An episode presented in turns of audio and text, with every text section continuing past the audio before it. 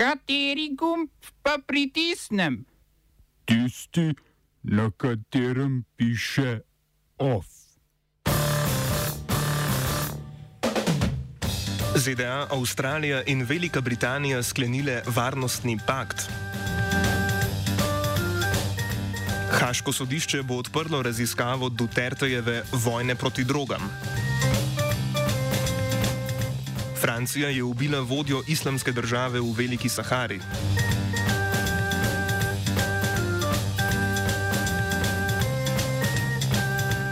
Več pridržanih na včerajšnjih anti-PCT protestih.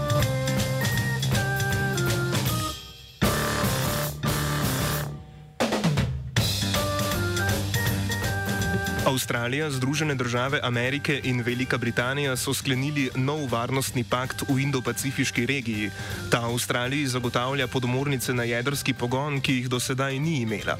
Za zagotavljanje miru in stabilnosti, seveda. Države si bodo bolj kakor poprej delile informacije o novih podvodnih obrambnih orožjih ter novih izumih na področju računalništva in umetne inteligence. Prav s tem deljenjem informacij bo Avstralija v 18 mesecih zgradila 8 takšnih podmornic na jedrski pogon. ZDA so potrebno znanje o teh namreč do sedaj delile zgolj z Veliko Britanijo. Avstralija je tako razočarala Francijo, saj je odpovedala naročilo francoskih podmornic. Francija je z Avstralijo že sklenila dogovor vreden 37 milijard evrov, po katerem bi Francija za Avstralijo razvila nejedrsko različico svojih novih podmornic, ki sicer tudi za pogon uporabljajo jedrske reaktorje francoske izdelave. Ta je bila do sedaj zelo odklonilna do to vrstne tehnologije. Francoska vlada je odločitev Kambere v ničkaj diplomatskem tonu označila za izdajo zaupanja, hkrati pa so francoski politiki v številnih medijskih nastopih povdarili, da ta dogodek še potrjuje nujnost večje geopolitične neodvisnosti od ZDA.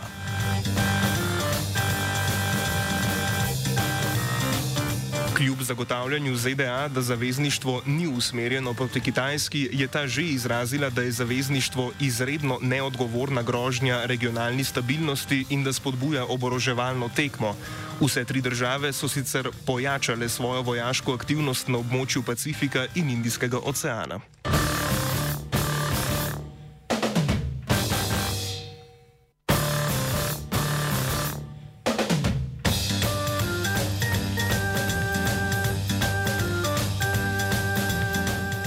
Haško mednarodno sodišče za zločine bo začelo preiskovati politiko filipinskega predsednika Rodriga Duterteja v vojni proti drogam kot zločin proti človeštvu.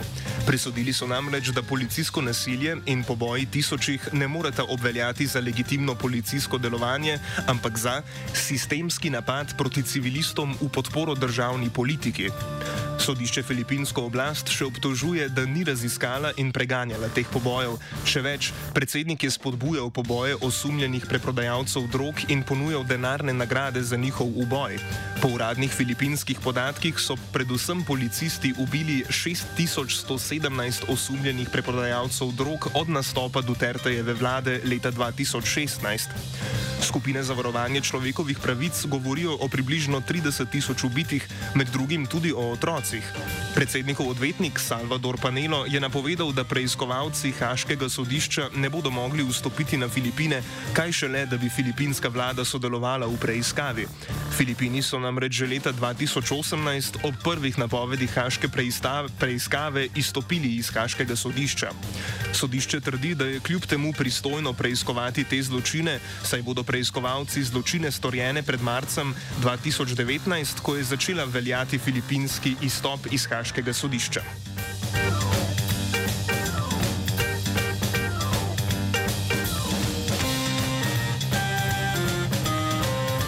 Francoski predsednik Emmanuel Macron je sporočil, da je francoska vojska ubila Adnana Abu Walid al-Sahravija, vodjo skupine Islamska država v Veliki Sahari, ki je in kdaj pa ni sporočil. Francoska obrambna ministrica Florence Parly trdi, da je Sahravi umrl med operacijo francoske vojske, ki ima v Sahelu nameščenih približno 5100 vojakov. Francija je v regiji intenzivno vojaško prisotna že od leta 2013 z namenom boja proti terorizmu, tudi z ubijanjem voditeljev te skupine. Med drugim je Sahravi avgusta 2020 ukazal umor šestih francoskih humanitarnih delavcev in njihovih voznikov, ki so delovali v Nigru. Letošnjega junija je Macron sicer napovedal, da se bo francoska vojaška prisotnost v Sahelu zmanjšala in se preusmerila k podpiranju lokalnih vojska.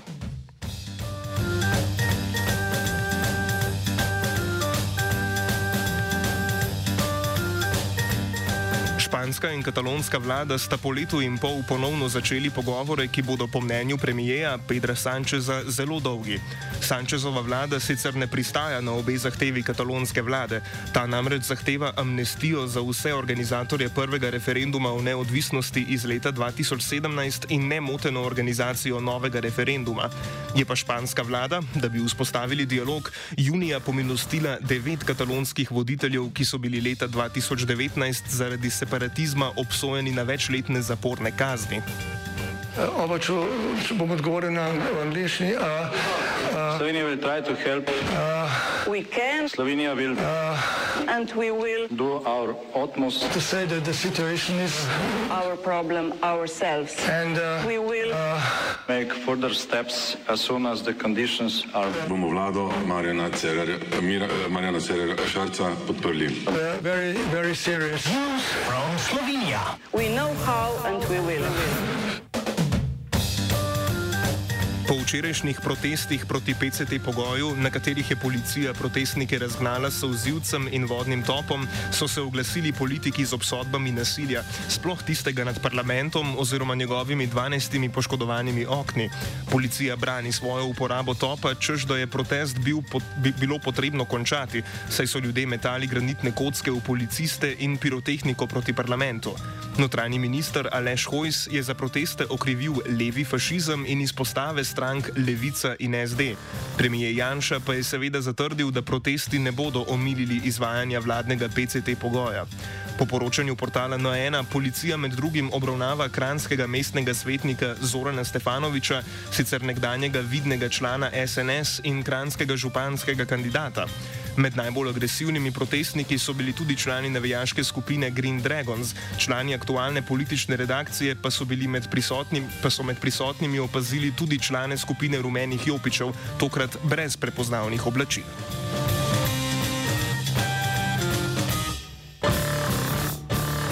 je pripravila Geja.